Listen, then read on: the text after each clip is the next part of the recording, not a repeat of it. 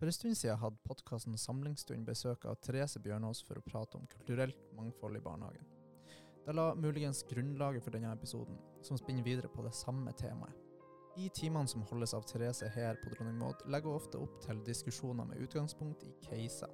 Vi er så forbanna sensitive for tida, og hvorfor kan jeg ikke bruke N-ordet når de sjøl bruker det? Dette er påstander som har kommet fra studenter, som vi også skal ta opp i denne episoden. Videre så diskuterer vi et dilemma. Er det forenlig å jobbe i f.eks. en flerkulturell barnehage når man har et verdisyn på privaten som tilsier det stikk motsatt? Dette er ingen enkle caser, og det er vanskelig å finne en enkelt fasit. Med oss for å diskutere disse påstandene har vi Wenche Iversen og Therese Bjørnås. Du hører på Til barns beste, en podkast av Dronning Mauds minne høgskole. Hei sann, folkens. Hei sann. Hei. Hvem er dere? Jeg er Therese Bjørnås, og jeg er førsteamanuensis i RLE. Ikke sant. Og deg. Og jeg er Wenche Iversen, og jeg er høyskolerektor i samfunnsfag. Ja. I dag til Barns beste så har vi Ja, skulle du si vi i Samlingsstund hadde jo først en episode med deg, Therese. Og da prater vi om mangfold i barnehagen. Ja. Og du kom jo med ganske mange eksempler i, i barnehagehverdagen, og mange sånne caser hvordan du har snakka med studenter. Mm. Og jeg tror kanskje du ble litt mer inspirert til å ta det et steg videre med denne episoden her. Ja, jeg tenkte på en måte at det hadde vært litt artig at to fagpersoner hadde diskutert fra to ulike seksjoner. Mm. Eh, noen av de casene. Ja. Mm. Og da tenker jeg at eh, det overordna temaet fortsatt er mangfold i barnehagen. Ja, mangfold, flerreligiøse, flerkulturelle mangfoldet. Ja.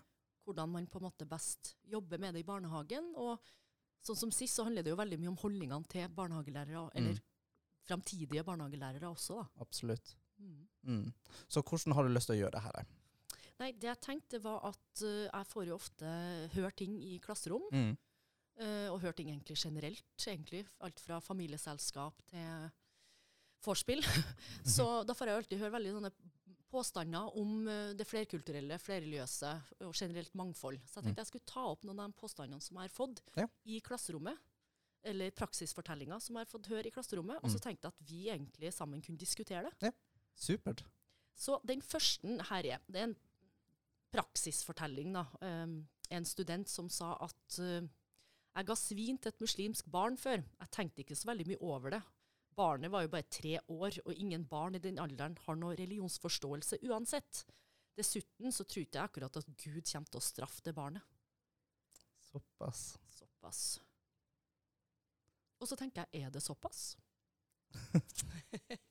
altså, hva Er ikke det litt sant? Jeg tenker så Fra min katolske bakgrunn så tenker jeg jo for det første at jeg tror ikke at Gud kommer til å uansett straffe det barnet. Mm. Eh, hvis, eh, hvis det er det på en måte vi skal eh, snakke om. Mm. Um, og så tror jeg jo heller ikke at det barnet på en måte har så veldig religionsforståelse. Når jeg er et barn på, på tre år sjøl, og hun er jo døpt i den katolske kirka, er katolsk, men hun har jo ikke peiling på hva det handler om. Så det er jo ikke som om hun på en måte kommer til å få noe dårlig samvittighet eller føle at hun har gått noe imot meg som katolsk eh, mor, eller, eller noe sånt heller. Men jeg tenker at det her, her egentlig handler litt om holdninger. Ja, holdninger og etikk og respekt overfor Ja. Ja. Og så handler det også om eh, noen andre mennesker her, og det er foreldrene. Ja. Ja. Eh, fordi det er jo foreldrene som har rett til å bestemme over ungen sin, Ja. sånn som lovverket er i dag. Ja, og det, akkurat det syns jeg er litt interessant, for den får jeg ofte høre. Og vi har jo ikke så veldig mye om akkurat I mine timer så har ikke jeg så mye om det lovverket osv., for det har jo sikkert dere på samfunnsfag. Sånn at jeg er jo ikke, var i hvert fall ikke sånn 100% klar på det først når jeg starta på Dronning Maud og, og fikk disse påstandene. Um, men jeg tenker jo også sånn at det er veldig mange også studenter som spør om vi i hele tatt kan tvinge barn også til å være religiøse. Mm. Kan foreldre liksom, Hva med barns medvirkning? og så videre og så videre. Og så tenker jeg så noen andre som sier jo jo, men foreldrene bestemmer jo hva ungene sine skal spise. Om de skal være vegetarianere f.eks., eller hva de skal ha på seg osv. Så, videre, og så, videre. så foreldre bestemmer jo uansett over sine barn, men jeg håper jo at det er en viss medvirkning der. Men det er veldig sånn sensitivt når det kommer til religion. Ja, og så er det jo Jeg tenker jo, foreldre kan jo ikke bestemme hva ungene skal tro, Nei. Men de kan bestemme hvilke religiøse tradisjoner og regler ungene skal følge. Ja, ja. Men det betyr jo ikke at de kan bestemme at ungene skal tro på det. Nei, Du kan jo ikke bestemme at dattera di skal tro på Gud. nei, nei. nei, nei. Det vil jo vise seg når den tid kommer. Ja, og det tenker jeg også er litt sånn Jeg tror ikke du kan tvinge noen til å tro på noe heller, uansett. For jeg tenker jo litt sånn, for mannen min er jo ikke katolsk og er veldig sånn religionskritisk, egentlig. Så han var jo egentlig veldig imot at vi skulle døpe Maria, dattera mi på tre, Mm. katolsk. For han skjønner liksom ikke Hun har jo ingen saying på en måte i det hele tatt der. Mens vi har jo gjort en avtale om at hun døpes nå, for det er jo vanlig med eh, dåp når de er typ tre-fire måneder. Og så at du, når konfirmasjonen kommer, så, så skal jo hun få lov til å bestemme sjøl om hun vil da konfirmeres katolsk, eller om hun rett og slett bare vil melde seg ut. Mm. Og hun kan sikkert gjøre det før òg, men at, da, at hun vet hva det innebærer, på en måte. da. Mm. Men kan jeg spørre deg, hvorfor er det viktig for deg at hun skal døpes? Ja, det er egentlig et godt spørsmål. Det er jo ikke at jeg tror, sånn som den katolske kirka sier, at du må, du må være døpt for å komme til himmelen, eller noe sånt. da. Eh, For det tror jeg jo absolutt ikke. Um, men jeg tror at det rett og slett egentlig mer handler om tradisjon, altså. For jeg tenker at i det eksempelet du kom med, da, Ja. eh, hvis en skal ta foreldrene sitt perspektiv, Ja. og foreldrene tror at hvis ungen deres spiser svin, Ja. eh, så begår det en stor synd, Ja. eh, så er det jo en omsorgshandling fra foreldrene sin del. Ja, Ikke sant? Absolutt. Og det er ikke så veldig mange som forstår. Eh, sånn som når jeg hadde noe intervju med Jehovas vitner, og, og jeg stilte dem egentlig akkurat det spørsmålet litt sånn Men hva tror dere kommer til å skje hvis ungen på en måte er med på noe juleverksted i barnehagen? Altså, og da er de litt sånn Vi gjør jo for barns beste. Vi tror jo at det er det beste. Mm. At vi er på sida til Gud, på en måte. Mm. Så det er jo om å gjøre for oss som kanskje syns at det er absurd, å sette oss i deres på en måte, forståelse, da, i deres sko, eller hva det heter. Mm. Um, Og det er jo en viktig del av jobben som barnehagelærer. Ja, å kunne absolutt. sette deg i foreldrene sitt sted og prøve å forstå intensjonene. Ja. ja. Absolutt. For jeg tenker jo at Forskning har i hvert fall vist da, at hvis ungene blir jo det eldre barn, men barneskolebarn, at hvis de f.eks. er i en bursdag, og så får de servert Grandiosa med svin eller pølse med svin, og at de tenker at der og da så er det ikke så farlig, for du vil bare være en del av gjengen og spise det samme som de andre, så, så får ikke de noe dårlig samvittighet da, men at de kjenner på en dårlig samvittighet når de kommer hjem. Og da tenker jeg at Hvis det er konsekvensen, så burde vi jo på en måte da passe på, tenker jeg. Absolutt. Hvis vi skal ha barns beste i tankene, så kan ikke vi bare tenke tar ungen skade av å spise svin. Vi må også tenke på følelseslivet både til ungen og foreldrene. Eh, hvilke eh, konsekvenser det har for hvordan ungen føler seg i forhold til foreldrene. Ja, absolutt. Absolutt. Men så tenker jeg også litt sånn her i, i forhold til at barnet på en måte da er, er tre år også, så, så tenker jeg, ville dere ha sagt fra til foreldrene? Sånn som du er jo barnehagelærer i, i bunn. Mm. Had- Hadde du, hvis det hadde skjedd da med at det bare vært en eh, Det har selvfølgelig ikke vært med vilje, men at den barnet bare har tatt noe salamipølse eller et eller annet sånt her, skal man da si fra til foreldrene etterpå at du, sorry, men Kari spiste litt salami? Det synes jeg er kjempevanskelig å svare på. Ja. Jeg har ikke vært i den situasjonen sjøl, men jeg har jobba sammen med folk som har vært i den situasjonen, Ja. og som, der vi har hatt diskusjoner om det. Ja. Eh, skal vi si fra, skal vi ikke si fra? Ja. Jeg tenker jo at vi er forplikta til å si fra. Ja. Ja. Eh, men jeg skjønner jo at det er vanskelig. Ja, fordi at jeg, jeg husker jeg intervjua jo flere muslimer til den artikkelen som, som kommer ut nå i mai, om kulturelt mangfold i barnehagen.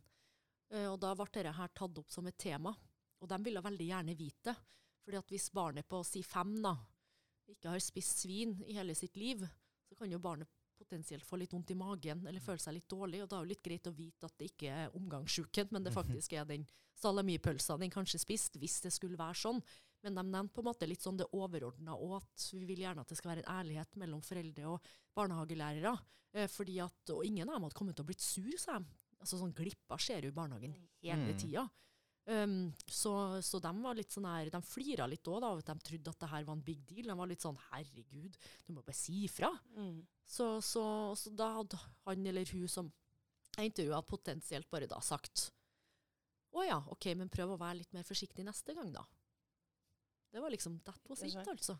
Mm. Så, men de var veldig opptatt av at uh, barnehagelærerne skulle si fra, da. Sånn at det ikke på en måte skjedde flere ganger, eller osv. Det tenker jeg at hvis, hvis det var den casen, så Ja. hva andre ting eh, vil man unngå å prate om da, hvis, Ja. hvis det kommer opp? Ja, ja, det er akkurat det òg. Mm. Ja, hva mer sier man ikke? Mm. Ja. Da går vi videre til en annen case. Dette er jo ikke sånn kjempebarnehagerelevant, men jeg får stadig vekk høre den her. Da. Det, det får sikkert du òg. Og det er den der at um, en um, student sa til meg uh, under en undervisning om rasisme uh, og postkolonial uh, teori, da, at han um, sa at ja, men Therese, jeg syns at alle i samfunnet nå bare er så forbanna sensitive. Vi kan liksom ikke kødde om noe nå lenger. Alt er liksom bare så gærent. Og det handler jo litt om dere, det, krenkelseshysteri. er? Ja. Det er jo mange som kaller det det. Krenkelseshysteri, at vi er så super woke, på en måte. det Woke-kulturen. Mm. Og, og at Sylvi Lysthaug som sa at det må vi banne, osv. Mm. Og så tenker jeg, lig, ligger det noe i det, på en måte? Kan ikke vi kødde om alt, eller kan vi kødde om alt, eller hva, hvor går det, liksom den grensa?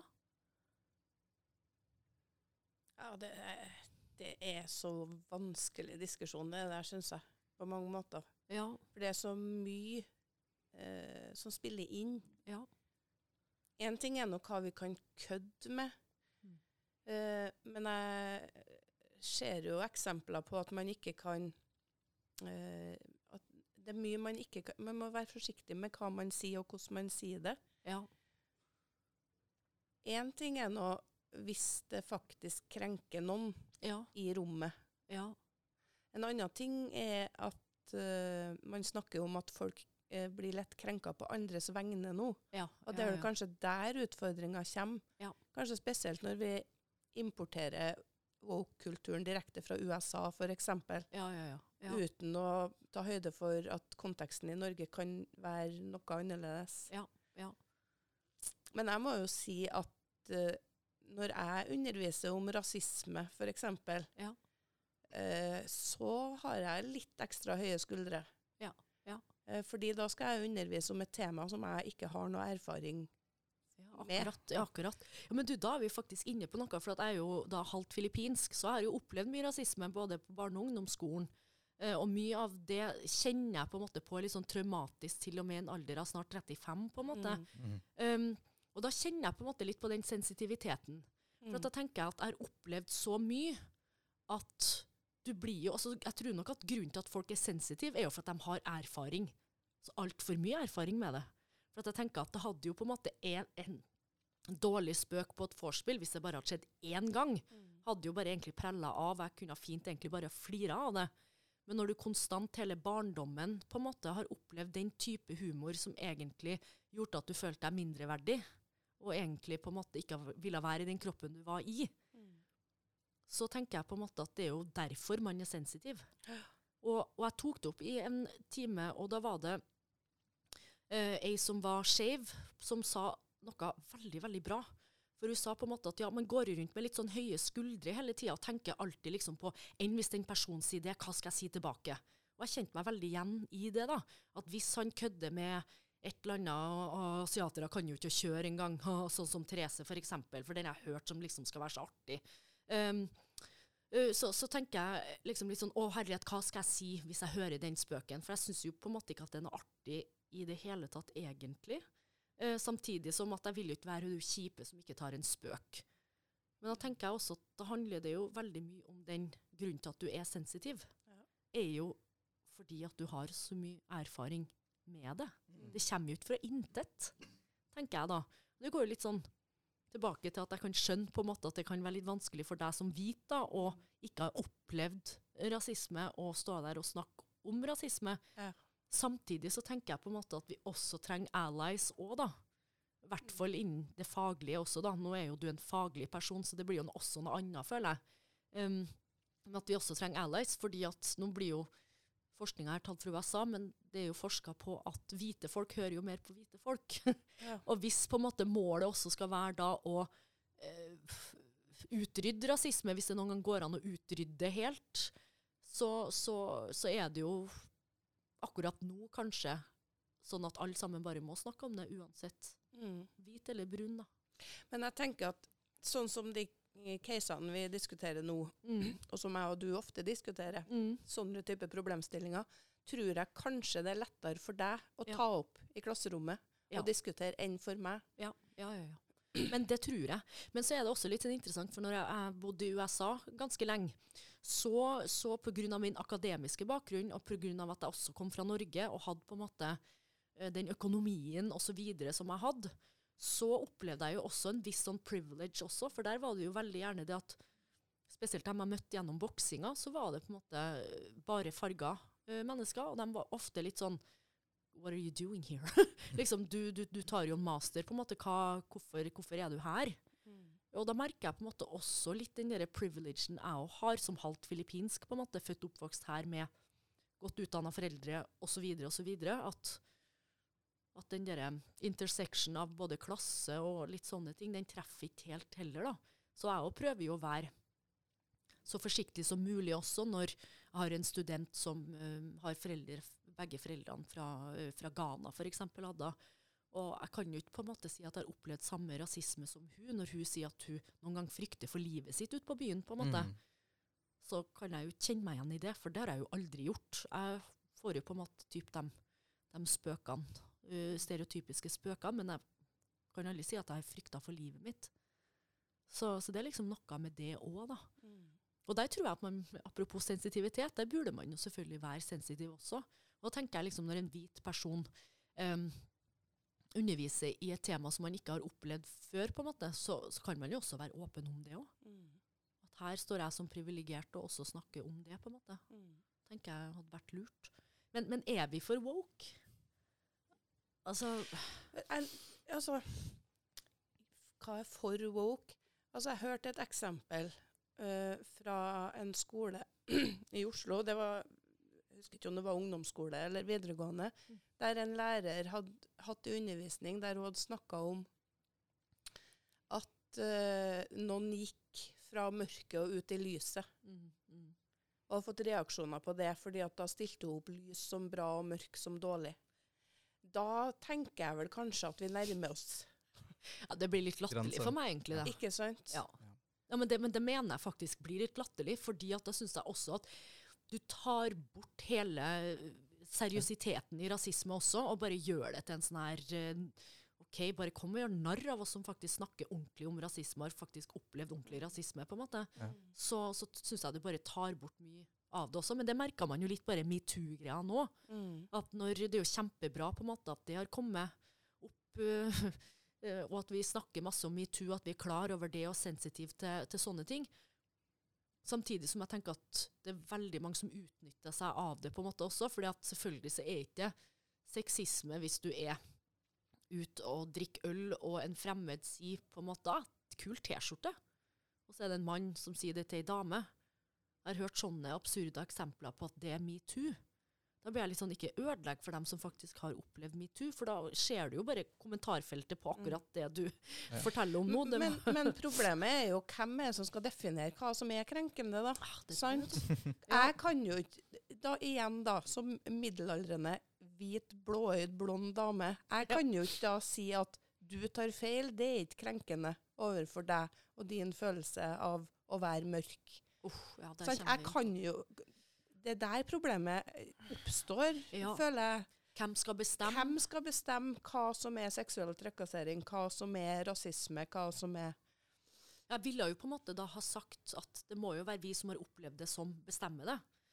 Men samtidig så på en måte tenker jeg at det må jo være visse grenser til hva som er rasisme også. Hvis vi på en måte skal definere rasisme, da, som å ilegge vet ikke, egenskaper i en eh, hudfarge eller nasjonalitet eller etnisitet osv.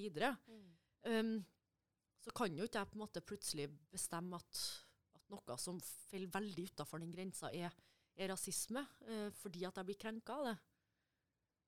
Um, Og så er det jo også sånn at det er noen uh, som opplever uh, ting rasistisk som andre ikke opplever. ja, Selv ja, om man har samme erfaringer og bakgrunn, men Ja. man er ulike mennesker.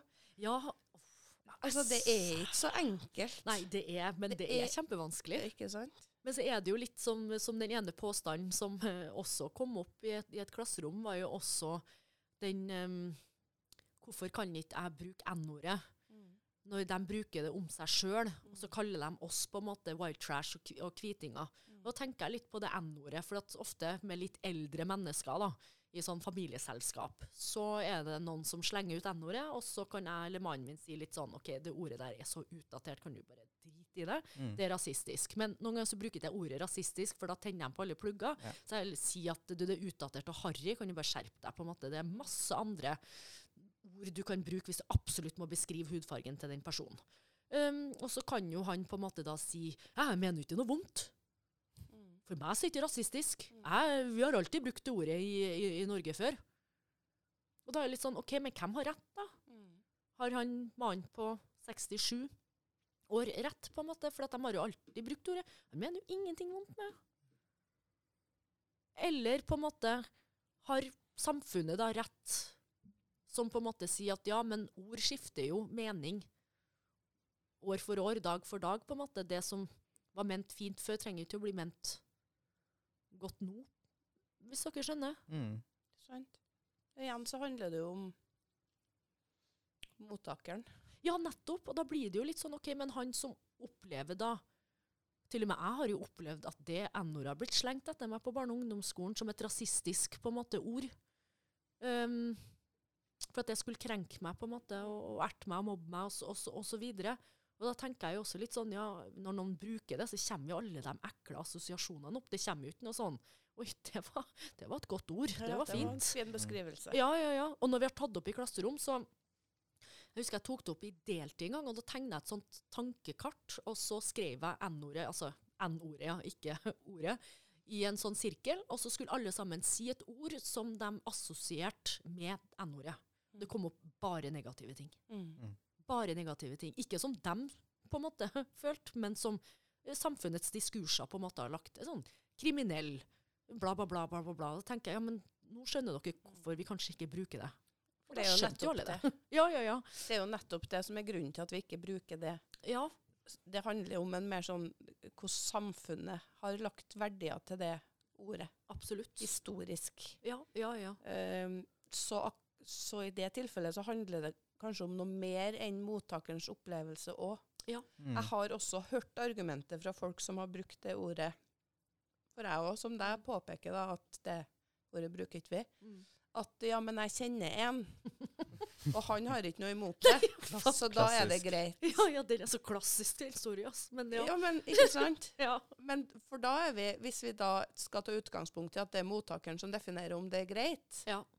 Så vil det jo være greit å bruke ordet i det tilfellet når du snakker Med om eller med den. Ja. Men Den vi som ja. samfunn Ja. har på en måte blitt enige om at pga. de historiske verdiene, Ja. den historiske konteksten her, så har vi bestemt oss for at det er ikke greit. Og så er det jo sånn maktforhold i det òg. Eh, hvis man omtaler en person som deg òg. Ja. Du, du setter over det Ja. og. Og Ja. spesielt hvis man snakker direkte til en person det gjelder. Ja, ja, ja, ja. Men jeg tror kanskje at det er det som er fasiten. Det. Akkurat det Mm. du sa om at det er samfunnet på en måte. Ja. Som har bestemt Vi er kollektivt enige om det. Ja, vi er kollektivt enige om det, men så kan man jo selvfølgelig også dra den lengre og si ja, men er vi egentlig det? Mm. Hva med de folkene på familieselskapet hvor alle var ganske enige om at de mener ikke noe vondt med, vi har aldri ment noe vondt med det. Vi bruker det som om det er helt vanlig, på en måte.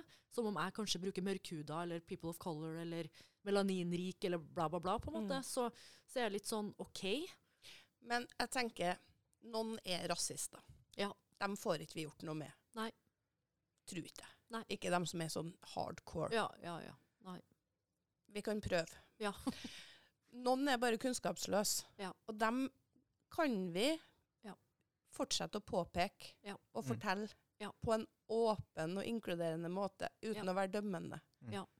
Og så vil det jo ta tid å endre Det tar tid å endre språk. Ja. Og ja, den Ja. oppvoksende generasjonen, tenker jeg, de, de bruker ikke det ordet. Nei, og så tenker jeg også litt sånn det du er innpå der, og den der med hvordan skal vi forandre folk, men at dem som på en måte i hvert fall er åpne til kunnskap, og at kanskje så et lite frø. Men da tenker jeg ofte liksom at intensjonen din er jo ikke nok. ja, men intensjonen min var jo ikke å si noe sexistisk, eller intensjonen min var jo ikke å være rasistisk. Men hvis samfunnet og mottakeren har en kollektiv på en måte, forståelse av at det er det, så skjønner ikke jeg helt på en måte at den ene personen som sier at ja, men intensjonen min Hvem bryr seg om intensjonen din? Mm. Og da tenker jeg, si- og Det er sikkert et dårlig eksempel, jeg tar det opp det i timen òg. At uh, Se for deg hvis jeg hadde kommet inn da med et smykke med et hakekors, og så hadde jeg vært litt sånn her Nei, herregud, hakekors det betyr kjærlighet. Det er jeg som bestemmer meninga. Det er jo ikke det. Mm. Hakekorset er, er det ganske mange andre som på en måte har eh, bestemt det kollektivt hva, hva betyr. Mm. Når nynazister fortsatt eh, bruker det osv., så, så er det jo det det betyr. Mm. Da kan jo ikke jeg bare ha det på meg og, og si at nei, nei, for meg så betyr det kjærlighet og fred. Mm. Altså Intensjonen min betyr ingenting, egentlig da. Og det er det jeg tenker litt sånn i forhold til, det N-ordet og rasisme generelt. Men disse grenselandgreiene og det å være for woke, på en måte, Mm. og for sensitiv, den syns jeg fortsatt er vanskelig. Kjempevanskelig. Minefelt. Ja, det er minefelt, men vi må, man må jo snakke om det òg, tenker jeg. Hvis man ikke diskuterer det, så, så tror jeg at det bare blir verre også, egentlig.